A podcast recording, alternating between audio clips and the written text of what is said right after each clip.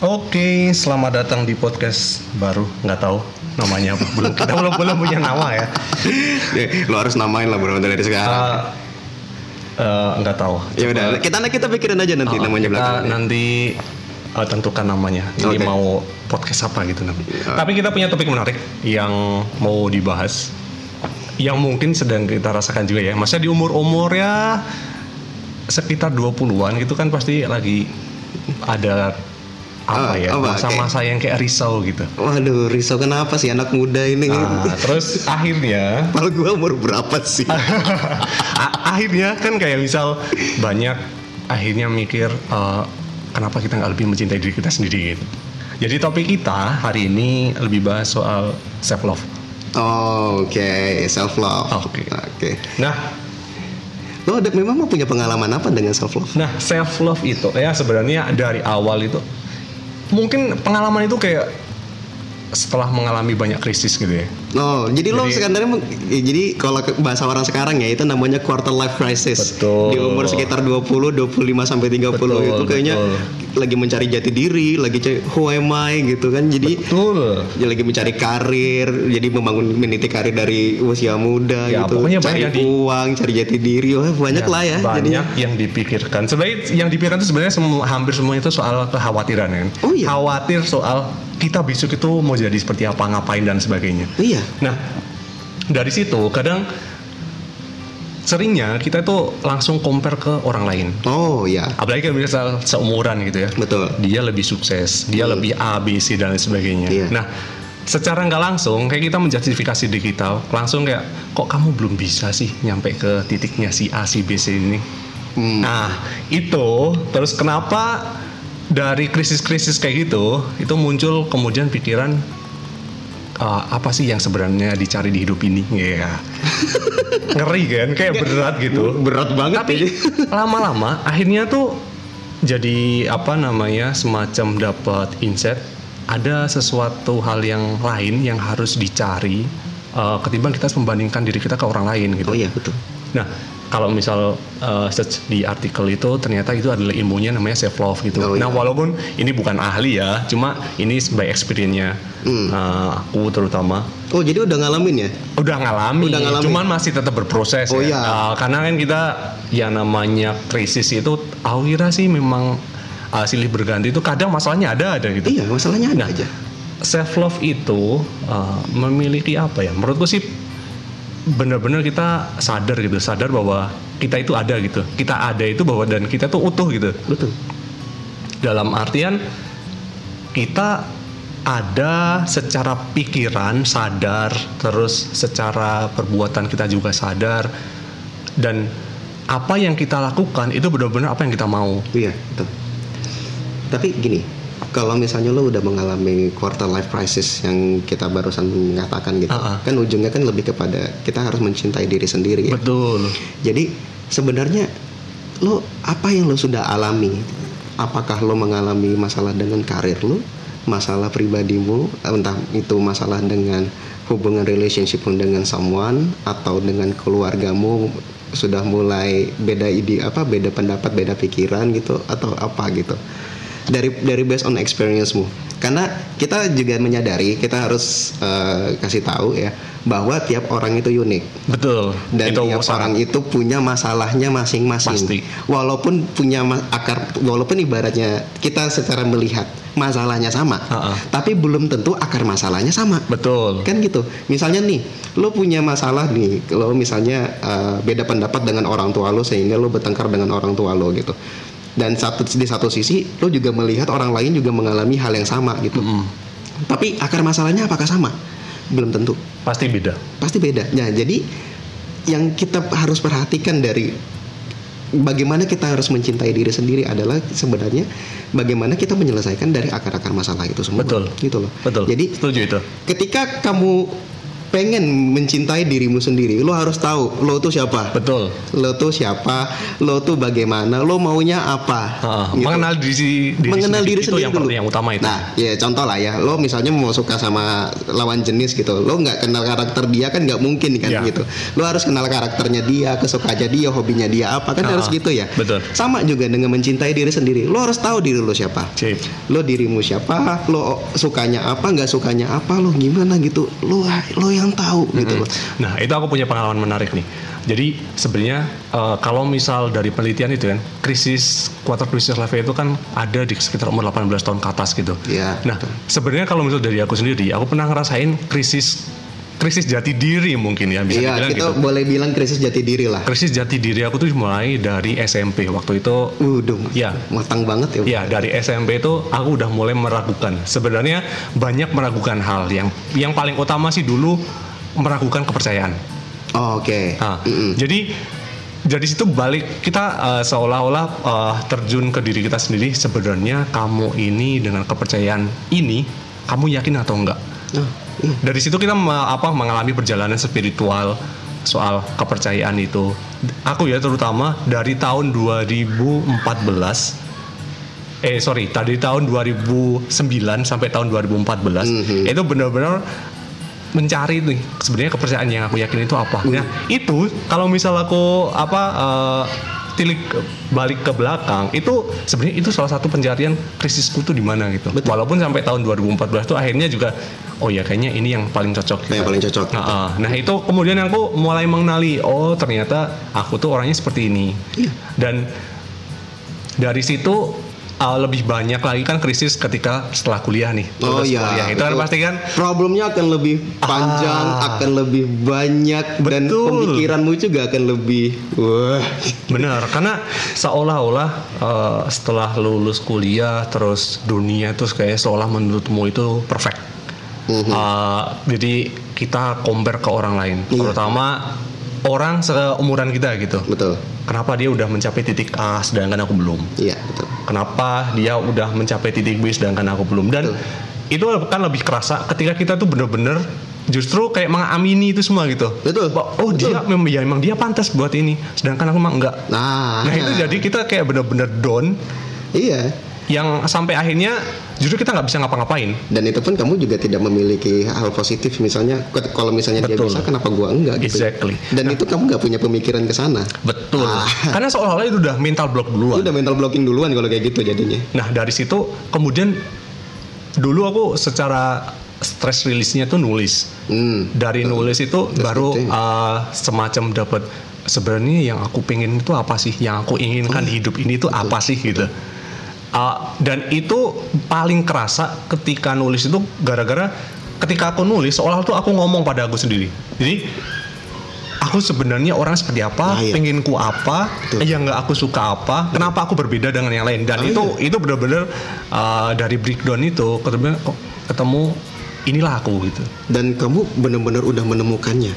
Sebenarnya kalau benar-benar udah menemukan atau belum, aku nggak tahu nih ya uh, menurutku pencarian itu kan tidak ada berhentinya. Betul. Jadi kayak ya kita terus-terus aja gerak terus gitu. Tapi, Tapi ada titik insightnya kamu dapat?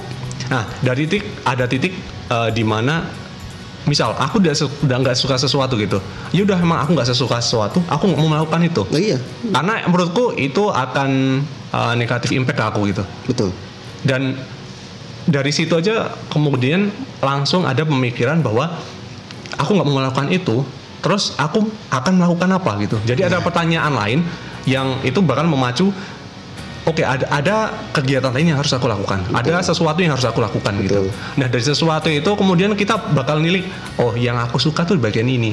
Hmm. Dari yang disukai itu akan muncul sesuatu lagi gitu. Hmm. Aka, apa yang akan kita apa uh, lakukan gitu. Nah, dari situ ketika apa uh, kita melakukan sesuatu yang kita suka, itu kan otomatis Iya, jadi energi sebesar apa pun tuh kamu ya iya. curahkan iya. gitu aja gitu. Dan lu nyaman dengan hal itu. Betul, gitu. betul. Gitu. Dan itu yang paling penting sebenarnya. Betul. Lu itu nyaman gitu. Betul. Nah, dari situ ini juga dari self love itu akhirnya juga uh, kita lebih menyadari kita tuh berharga. Oh iya, pasti. Apa pun yang kita lakukan, uh, kita karena kita sadari bahwa apa yang kita lakukan itu kita sukai dan itu memikir uh, memunculkan apa ya kayak semacam uh, kesenangan dan ya itu bahwa kamu itu ada di sini kamu tuh berharga gitu Iya betul. entah apa pun kata orang lain gitu ya Iya. jadi kita mengabaikan itu semua. Jadi apa yang kamu suka, kamu lakukan, kamu munculkan energimu di situ. Kamu punya karya, entah apa pun itu. Karya itu kan besar kecilnya tergantung kamu mengapresiasinya kayak apa. Benar. Cuma ketika kamu tuh udah ada karya untuk dirimu sendiri terutama, itu bahwa kamu udah menghargai diri kamu tuh ada gitu. Betul. Ada seutuhnya gitu. Bukan ada yang yang cuma ada gitu. Dan tidak perlu pendapat orang lain sebenarnya. Betul, betul. Karena gini, kalau kita ibaratnya selalu mendengarkan pendapat orang lain dan kita selalu iakan dan iakan, kita akan lelah di situ. betul. Karena bisa jadi pendapat orang itu kan berdasarkan pengalamannya masing-masing kan. Benar. Kita ambil kasus, gini, misalnya si A, si A itu punya pengalaman misalnya bla bla bla dengan orang tua begini, dengan pacarnya begini, dengan kerjaannya begini gitu. Dengan background yang otomatis jelas berbeda dengan kita yang alami gitu ya. Iya. Karena karakter pun juga pasti beda Pasti. gitu. Lo misalnya gini, lo minta pendapat dengan orang yang terlalu egois gitu. Terus lo minta pendapat misalnya masalah kerjaan, bro, gua ada masalah gini dengan bos. Udah gini aja, lo tembak aja langsung bos. Lo, lo memang bisa. Iya. Belum tentu gitu loh. Jadi tergantung senyamannya kamu bagaimana gitu. Betul. Kalau misalnya gini, kalau misalnya kamu terlalu dengerin pendapat orang, termasuk motivator ya, termasuk motivator, sebenarnya juga boleh. Lo dengerin motivator tuh boleh. Cuma tidak semua hal yang positif yang datang dari dia itu harus kita lakuin. Iya, benar. Karena belum tentu pas dengan apa yang kita alami saat Betul. ini. Itu itu pasti uh, ada ada kondisi gitu. Wah, sebenarnya kesimpulannya sih bukan berarti pendapat orang lain itu nggak kita dengarkan Oh, juga enggak. ya. Kita tetap Cuman dengerin. kita tetap filter gitu. Benar. Mana yang paling proper dengan kita gitu. Mana yang suitable dengan kamu Betul. gitu. Karena ya balik lagi kondisimu itu kamu sendiri yang tahu gitu. Betul. Backgroundmu kamu sendiri yang tahu dan kesiapan mentalmu juga kamu sendiri yang tahu gitu. Ya. Jadi pada intinya sebenarnya adalah self love itu adalah satu adalah mengenali diri sendiri. Betul. Dan yang kedua adalah bagaimana kamu uh, tune in atau ibaratnya beradaptasi dengan lingkungan. Mm-mm. Karena ketika kamu memang tidak bisa beradaptasi dengan lingkungan, itu berarti memang itu bukan lingkunganmu. Betul. Itu aja. Gitu. Karena kalau misalnya gini, ketika kamu menemukan lingkungan yang um, misalnya nih lo orang yang terlalu menyendiri itu senang dengan kedamaian dengan sendirian gitu. Biasanya anak-anak gunung nih. Ah, aku sendiri nih. Iya gitu. Aku, ya. aku, aku banget. ya. Biasanya anak gunung kan senangnya kan yang oh, suasana nyaman, suasana tenang, tenang gitu gitu, ya. ya. Gue- gue peaceful gitu. Lo ketemu dengan anak yang senang rame-rame ke, di- ke diskotik atau ke mall gitu. Hmm. Lo bakal nyaman nggak? Pasti enggak sih. Pasti enggak gitu loh. Nah, tapi apakah bukan berarti tidak bisa beradaptasi? Tapi Bisa. bisa. Cuman, cuman satu hal. Ketika kamu memang bukan lingkungannya di situ, nih jangan lo paksa Iya, gitu loh. benar. Karena dengan kamu mencintai diri sendiri, tandanya kamu tahu sebenarnya lingkungan yang pas seperti kamu itu buat apa, seperti apa gitu loh. Betul. Itu Jadinya tuh lo bisa mencari temen yang bener-bener pas dengan karakter kamu walaupun tidak 100% pas gitu tapi paling enggak lo masih bisa berbagi dengan dia Iya. lo masih bisa sharing cerita dan itu akan lebih nyambung Betul. daripada dengan orang yang karakternya berlainan gitu Hmm. tapi bukan berarti kit- yang karakternya berlainan kita musuhin enggak enggak, itu itu udah beda itu ini udah, ya. ini udah Ah. beda konteks ya. Ah. Lo tetap temanan sama dia boleh gitu. Tapi ap- de- kamu memilih siapa yang lebih nyaman untuk kamu sharing atau cerita, ya itu terserah kamu Hmm. gitu loh. Itulah akhirnya kenapa setiap orang tuh nanti punya circle-nya masing-masing. Oh iya. Artinya dia itu pasti punya kawan itu banyak, Banyak. teman itu pasti banyak. Cuman Tapi sahabat. Iya betul. Ketika dia ngomong sahabat tuh pasti dia circle lah kita ngomongnya circle. Circle- Kita punya circle ABC itu karena kita secara otomatis itu klik atas apa ya kita kenyamanan entah itu bercerita atau Iya. soal mungkin punya hobi yang sama Bener. atau punya uh, apa namanya insight-insight yang sama, gitu. Sama. Nah dari situ kemudian muncullah si circle-circle itu. Nah, itu kan nanti bakal terfilter sendirinya gitu. Betul. Ketika kamu, yang tadi lo bilang umur 18 tahun gitu, ketika lo udah ber, sudah berpikir dewasa gitu, pasti lo akan berpikir temanmu itu akan berkurang, Oh, itu pasti. gitu ya. Pasti. Dari ibaratnya lo SMP nih, lo temen lo banyak Ah. gitu kan, so teman main basket, teman main futsal, apa Tapi itu justru- semuanya ditemenin Justru gitu. malah bikin apa namanya kayak kita udah menerima diri kita sih bahwa teman itu pasti ya datang datang, pergi dan dan pergi gitu loh. dan Ha-ha. dia akan datang dan pergi tergantung dengan kondisi kamu saat ini. Betul. Bukan ya, dengan kondisi dia juga ya, kondisi dia seperti apa. Tapi lebih kepada kondisi kamu saat ini. Lo mau beda kota, gitu. Tapi lo tetap nyaman dengan dia. Lo masih bisa chattingan lo Betul. masih bisa video call. Ketika kamu memang nyaman curhat sama dia gitu. Memang di apalagi zaman sekarang tidak ada batasan sama sekali gitu. Jadi ketika lo udah umur segini dan merasa teman lo dikit itu wajar. Karena kenapa? Karena kamu memang sudah terbentuk karakternya demikian yang lingkungannya pun juga akan lebih terfilter seperti Mm-mm. apa. Iya. lo akan lebih punya temen yang benar-benar kualitinya tuh memang pas banget buat lu. Bukan berarti dia adalah orang yang sempurna. Ya, tapi ada dia adalah orang yang bisa melengkapi kamu dan bisa mendukung kamu dengan cara yang benar Ya. pada saat lo lagi down. Betul. Dan itulah kenapa pada saat lo udah menemukan self love lo yang benar-benar gitu dan kamu bisa menemukannya kembali di, di orang lain gitu itu sebenarnya udah sebagai support system yang bagus. Ya. Itu gunanya kalau misal pas kita berproses itu, kenapa kita butuh orang lain? Ya salah satunya buat itu support sistemnya kita. iya betul Uh, lo masa lo nggak bisa memotivasi diri lo sendiri lah nggak bisa Betul. that's a bullshit ketika aku bisa aku bisa aku bisa lo tetap butuh bro Iya, orang betul, lain Betul, Self love itu kan uh, selama kita berproses itu ndak mungkin kita ndak butuh orang lain itu ndak mungkin. Nggak mungkin. Uh, walaupun uh, apa ya sekuat apa pun motivasimu itu memang itu sebenarnya berpengaruh iya sih. Iya, berpengaruh Cuma sekali. adanya keberadaan orang lain itu semakin membantu kamu Semakin uh, membantu. mempercepatlah proses uh, yang perjalanan Iya. entah apa pun itu ya perjalanan spiritualmu kah perjalanan pokoknya kamu dalam men- pencarian jadi dirimu gitu Betul. dalam pencarian kamu mencintai dirimu sendiri itu kamu akan menemukan orang lain yang sebagai support systemmu Betul. ketika support system itu udah uh, udah kebentuk nah itu yang kemudian uh, kita maintain gitu Bener. gimana gimana caranya bukan berarti kita punya ketergantungan ya Enggak. tetapi kita maintain gimana caranya si support system ini uh, sebagai kekuatanmu gitu untuk kamu melangkah lebih gitu loh Ya, kamu betul. pengen jadi apa ya kalau kamu pengen melakukan apa pun dan kalau misal udah ada orang yang support itu kan biasanya energi kita tuh jadi lebih gede gitu Bener.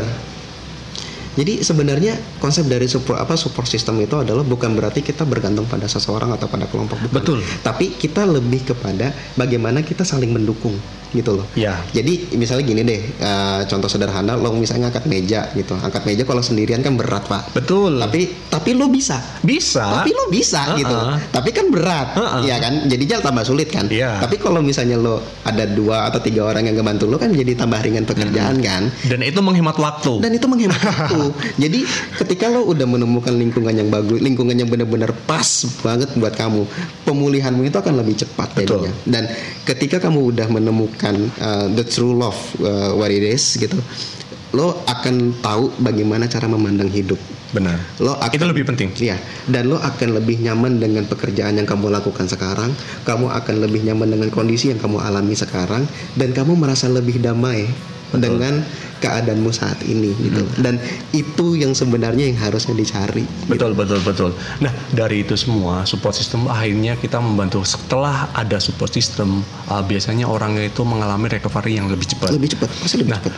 dengan dia recovery lebih cepat dia tuh lebih uh, lebih cepat juga untuk berdamai dengan dirinya sendiri. Benar. Berdamai dengan masa lalu apa pun yang dialami dan sebagainya gitu ya.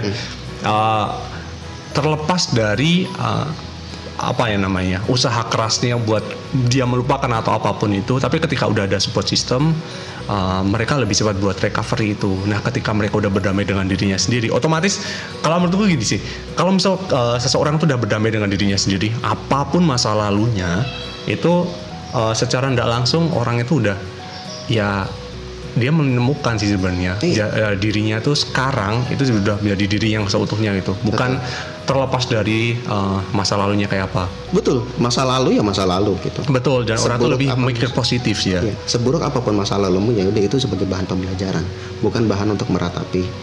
Yang salah ya sebenarnya gini konsepnya. Tidak ada pilihan yang salah dalam hidupmu. Kalau misalnya kamu memilih suatu jalannya. Tidak ada pilihan yang salah dalam hidupmu yang ada hanya konsekuensi. ya Yang salah, yang benar-benar salah adalah ketika kamu udah memilih sesuatu kamu menyesalinya. ya Itu, itu lebih salah. Karena kenapa? Kalau kamu ibaratnya udah benar-benar pilihanmu itu, gitu ya. Terus pada saat perjalanan kamu merasa pilihan ini salah karena mungkin ada kegagalan di sana, gitu. Tandanya itu bukan pilihanmu.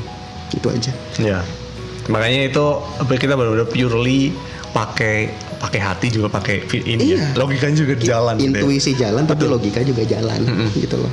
jadinya tuh ya kita tetap butuh keduanya orang harus berpikir logis pasti tapi orang juga harus punya empati Nah, gitu karena zaman sekarang itu harusnya Uh. lebih dipakai sih ya. tapi zaman sekarang bro orang gini ya ini yang agak gimana ya agak sulit sebenarnya ketika orang apa sedikit sekali punya empati. Kita tuh jadi lebih apa ya jadi sungkan apa jadi lebih banyak berasumsi sebenarnya. Ya. oh orang ini jahat. Oh orang ini buruk. Oh orang ini kayak gini. Cuma kita nggak tahu dia ngelakuin itu kayak apa. Eh, latar belakangnya apa. Betul betul. Contoh sederhana gini, ketika lo lihat nih ada berita itu, ini orang ini mencuri di komplek ini bla bla bla bla bla bla. Yang kita lihat itu kan orang ini jahat karena Konteksnya mencurinya. dia, Nih ya, karena kita hanya melihat orang ini jahat karena mencuri. Iya. Tapi kita kita tidak tahu dia mencuri karena apa, iya. gitu loh. Kalau misalnya dia mencuri karena pengen menambah kekayaan atau pengen menambah hartanya, ya itu jelas salah. Ya, itu seperti koruptor lah. Iya. Tapi kalau dia mencuri karena anaknya belum makan, Ada kebutuhan yang mendesak gitu ya. istrinya belum makan, Iya. dia terlilit hutang, Mm-mm. tega lu bro, ngomong dia jahat, katain dia jahat. Iya. Karena itu loh, orang itu hanya melihat dari covernya aja, tapi dia tidak melihat dari kenapa orang itu melakukan kejahatan. Hmm, makanya itu salah satu uh, pentingnya kita ketika menjustifikasi orang itu posisikan kita di posisi Di orang posisinya lain itu. dia, Jadi gitu loh. kita bisa counter balik. Uh. Kita kesal dengan perlakuannya dia, Iya, Dia kesal. tapi- pastilah Nurani. Ya, tapi kita tahu kenapa dia melakukan Ya. itu gitu loh. Ya, ya sama lah gitu. Ada orang kan orang melakukan kejahatan itu memang karena ya dia jahat aja. Dia memang suka dengan kejahatan. Ada aja kan kayak gitu. Tapi ada orang yang melatar melatar, melatar belakangnya kenapa dia berbuat seperti itu. Gitu loh. Jadi eh, memang yang yang dia lakukan salah Ya. gitu. Tapi kita akan lebih salah gitu kalau dia kalau kita tidak melihat sebenarnya dia melakukan itu karena apa. Hmm, Kita kita akan lebih jahat, Bro Iya. Karena gitu. Bisa lo tega bro. Ada orang miskin gitu men- mencuri gitu ya. Yang dicuri paling cuma apa? HP TV perhiasan gitu berapa gram gitu. Yang mungkin kalau di total cuma sekitar 20-30 juta gitu. Karena untuk melunasi utangnya dia doang. Gitu loh. Mhm. Lo tega ngomong dia jahat. Hmm, tapi di luar konteksnya memang uh, itu ada kebutuhan mendesaknya ya. Bukan bukan berarti kita membenarkan mencuri itu halal gitu ya. kita tidak pernah membenarkan kejahatan. Tapi yang paling salah tapi yang menurut kita lebih jahat lagi adalah ketika kita tidak tahu orang itu kenapa gitu loh. Lo gini deh contoh paling gampang nih. Ini kayak gini nih. Eh, banyak orang itu eh, lebih mengasihani sakit secara fisik daripada sakit secara batin Hmm, Contoh sederhana gini, kalau misal nih ada teman lo kecelakaan, kakinya patah gitu, lo pasti akan bilang, "Wih, lo bakal kasih kasih dia makan, jengukin dia, semangatin dia gitu. Iya, karena itu yang kelihatan. Kan itu kelihatan. Iya. Tapi kalau orang yang ibaratnya sakit hati misalnya, dia bertengkar dengan orang tuanya, putus dengan pacarnya, atau kehilangan sahabatnya, lo gimana cara anunya? Alah gitu aja kok. Alah gitu aja kok. Mau ah cengeng lu. Ah baru ditinggal gitu aja cengeng lu. Karena- gua dong. Karena di posisi itu uh, dia udah me- apa ya memposisikan dia sebagai dirinya gitu. Iya, dia Di orang memposisikan dia sebagai dirinya. Oh, gua aman-aman aja kok. Gua kalau ditinggal orang tua Biasa kayaknya aja. biasa aja. Itu Ah. lu, belum tentu orang lain Ya, gitu loh. punya mental yang sama gitu ya. Karena yakin kita nggak tahu ya orang tua masing-masing beda ya. Kan Hmm. masalah orang kan beda-beda ya. Iya. Walaupun dari akar apa walaupun dari satu objek yang sama orang tua misalnya. Ada orang tua yang baik banget dengan anaknya, deket banget dengan anaknya. Ketika dia hil apa pergi gitu misalnya keluar kota atau mungkin ya kita nggak mendoakan ya tapi misalnya udah di udah dipanggil Tuhan gitu lo merasakan kesedihan yang Hmm. Ya mendalam pasti ada kehilangan sesuatu itu. Benar, tapi ketika ada orang yang ngejudge, oh gitu aja kok cengeng gitu ya. Tapi orang ini sebenarnya tidak begitu dekat dengan orang tuanya. Dia memandang orang tuanya itu juga antipatik gitu, tidak terlalu dekat, antipatik dan keluarga hotel kalau bisa dibilang. Ya.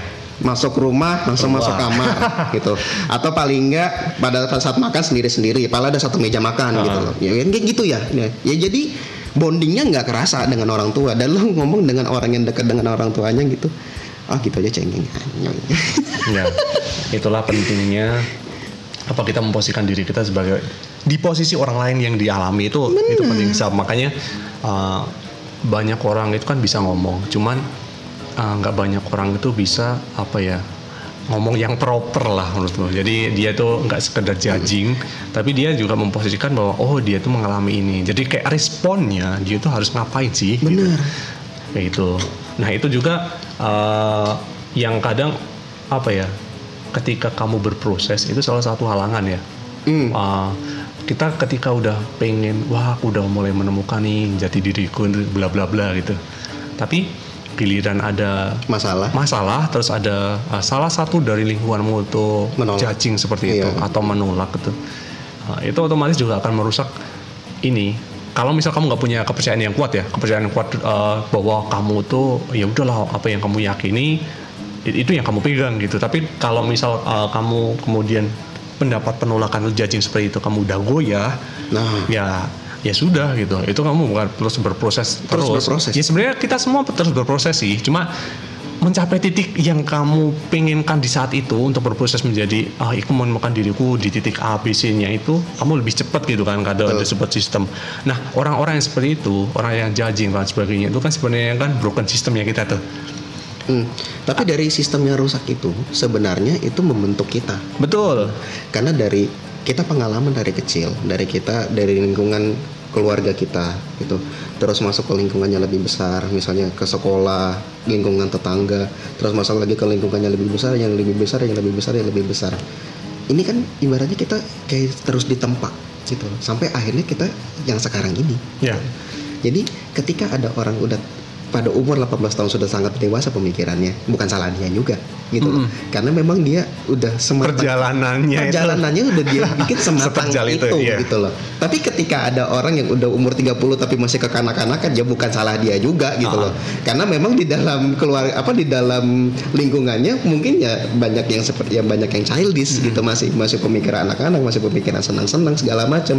Ya itu tergantung kamu kamu mau berubah atau enggak Ya. gitu loh. Dan kamu menargetkan kamu itu seperti apa? Itu itu jadi salah satu ini juga uh, indikator. Mm-mm.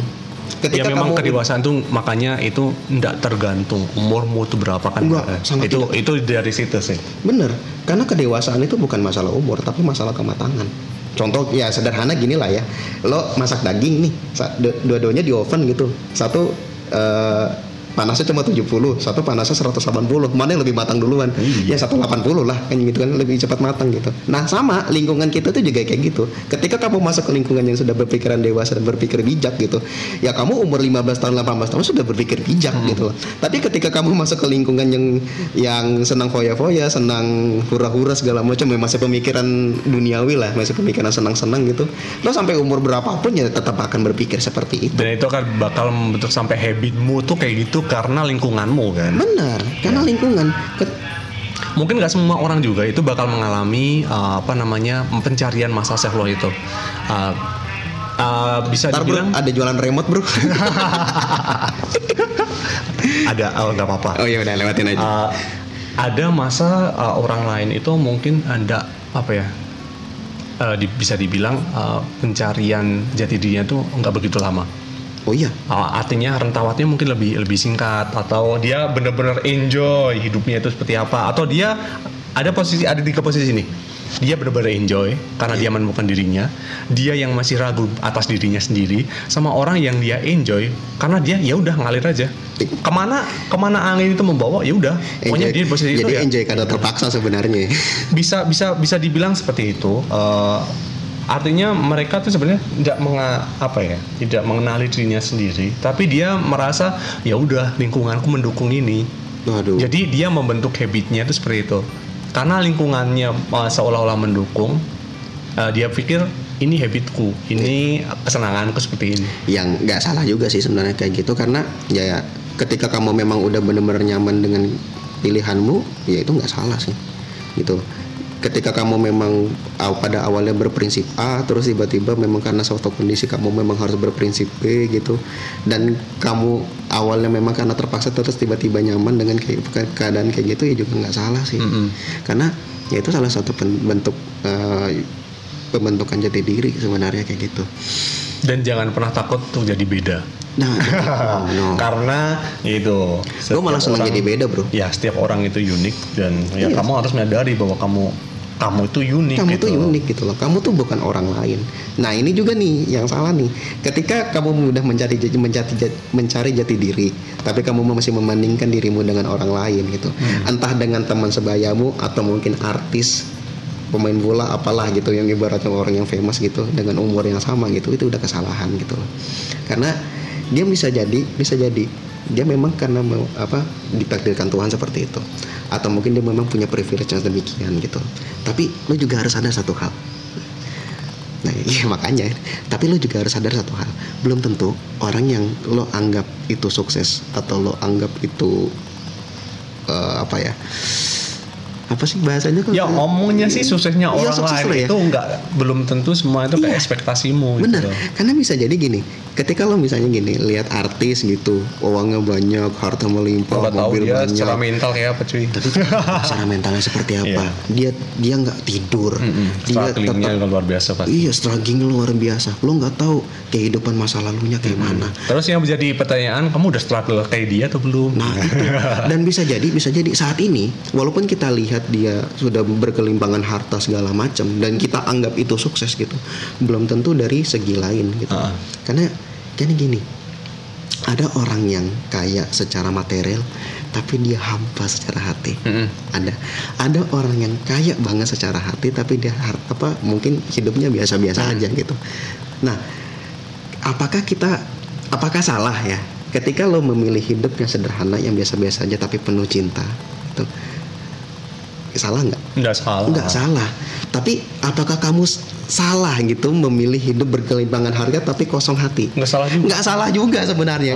Tapi jadi itu tergantung nyaman mau kayak apa gitu. Misalnya gini lo umur 30 bakal dikatain gitu lo kapan nikah gitu umur 35 dikatain kok nanti nikah nikah gak laku ya gitu Pak lo ganteng gitu misalnya gitu ya bukan ya bukan karena gua gak laku gitu tapi karena gua belum mau aja Ya, gitu Karena itu kita punya pilihan gitu ya. iya Pilihan yang uh, kita ambil pasti ya punya konse- konsekuensinya masing-masing. Nah, kenapa kita ngambil pilihan itu? Ya pasti udah mempertimbangkan Udah kan, mempertimbangkan. konsekuensinya itu. Nah, jadi konklusinya kita ini udah berapa lama udah berapa lama kita ngobrol nih uh, lama ini. udah lama ya udah Oh. jadi konklusinya adalah dari lo dulu deh Hmm. Kalau dari aku yang pertama self love itu penting. Uh, jangan takut jadi beda itu yang satu. Ya. Yang pertama. Terus uh, ketika kamu punya prinsip kan itu prinsip. Tapi mendengarkan orang lain itu perlu. perlu Tetapi kamu harus filter mana yang proper buat kamu gitu, Oh, sesuai dengan background dan mentalmu gitu. betul Terus yang ketiga, ketika apa ya? Ketika kamu me- sudah mencapai titik self love-mu itu, stop compare ke orang lain. ya Apa pun itu. Betul. Dan selalu posisikan dirimu itu di posisi orang lain ke- biar kamu tuh nggak judging gitu. Benar. Jadi self love itu kan bukan sekedar kita menemukan jadi dirinya kita tapi kita juga share uh, kita yang sekarang ini kita punya value lebih gitu benar. ke orang lain gitu. Ya jadi sama-sama positif gitu lah Bener. kalau dari aku itu sih. Oke gue ya sekarang ya? Ah, ah, lanjut. Ketika memang gue banyak ketika ketikanya ya kalau misalnya awal-awal ngomongnya. Gue kayaknya harus ganti deh. Nggak apa-apa. Tapi self love itu memang eh, itu sebenarnya apa ya perjalanan untuk menjadi jati, mencari jati diri. Ketika kamu udah mencintai dirimu sendiri, lo akan benar-benar menghargai setiap proses yang kamu lakukan. Lo akan apa ibaratnya berdamai dengan keadaan masa lalumu sesuram apa pun itu. Ya. Sesuram apa pun itu. Dan ketika kamu udah menemukan satu lingkungan yang tepat gitu lo akan nyaman di situ gitu. Itu akan lebih membantumu dalam pemulihan itu jadinya. Dan ketika kamu udah menemukan self love kamu tidak akan pernah ya seperti lo bilang tidak akan pernah mengcompare dirimu dengan orang lain. Tidak pernah membandingkan dirimu dengan orang lain. Karena apa? Karena bisa jadi ya dia memang udah diktadirkan kayak gitu. Kita kan kita kan kan kita kan kita nggak tahu nih keadaan belakang dia dia seperti apa keadaan dia di belakang seperti apa. Lo menganggap diri lo ngenes saat ini gitu. Menganggap diri lo susah saat ini nggak apa-apa. Tapi yang tapi yang lebih salah adalah ketika kamu udah mengatakan ini oh iya gue kayak gini gue kayak gini tapi lo tidak melakukan apa-apa untuk merubah itu gitu loh. Itu akan lebih salah gitu. Itu akan lebih toxic gitu. Karena toxic itu bisa berasal dari orang lain bisa berasal dari diri sendiri gitu nah jadinya paling bahaya kalau udah dari diri sendiri ya, Hmm. kenapa kalau misalnya toksik itu udah berasal dari sendiri diri sendiri lo akan membenarkan semua eh, apa masa lalu ibaratnya membenarkan semua kesalahan lo gitu jadinya nah itu akan lebih parah jadinya jadi em, ketika lo udah menemukan jati diri lo seperti apa, lo akan lebih mencintai dirimu sendiri karena setiap orang itu unik dan lo begitu berharga. Yes. Asik. Konklusinya Kepanjangan pak. ngeri ya. Iya. Tapi memang benar kita sangat berharga gitu. Iya. Apa pun kondisinya kita. Oke. Oke, dan Next time kita akan bahas yang lain. Jadi see you tomorrow. oke, ini sebenarnya aku punya uh, ini ada request dari temanku tuh Apa itu? soal toleransi. Uh, itu nggak toleransi itu itu dulu? berat ya. Cuman Ya, itu mungkin kita bakal kita harus batasi dulu toleransinya ini dalam hal apa Ya, gitu oke. kalau misalnya toleransi dalam hal pertemanan dalam hal personal mungkin kita bisa bahas tapi kalau toleransinya dalam bidang kepercayaan Oh, ya, itu nah, di- di luar dari Pak. situ ya? Iya, Di luar dari di situ. luar dari situ jadi Ah. toleransi itu maksudnya toleransi yang mana dulu yang kita bahas nih Oke. gitu ya Itu bakal bakal kita bahas buat bahan buat besok. Buat- Nextnya ya. nextnya ya Oke. Oke. see you tomorrow Ya boleh lah. See you tomorrow.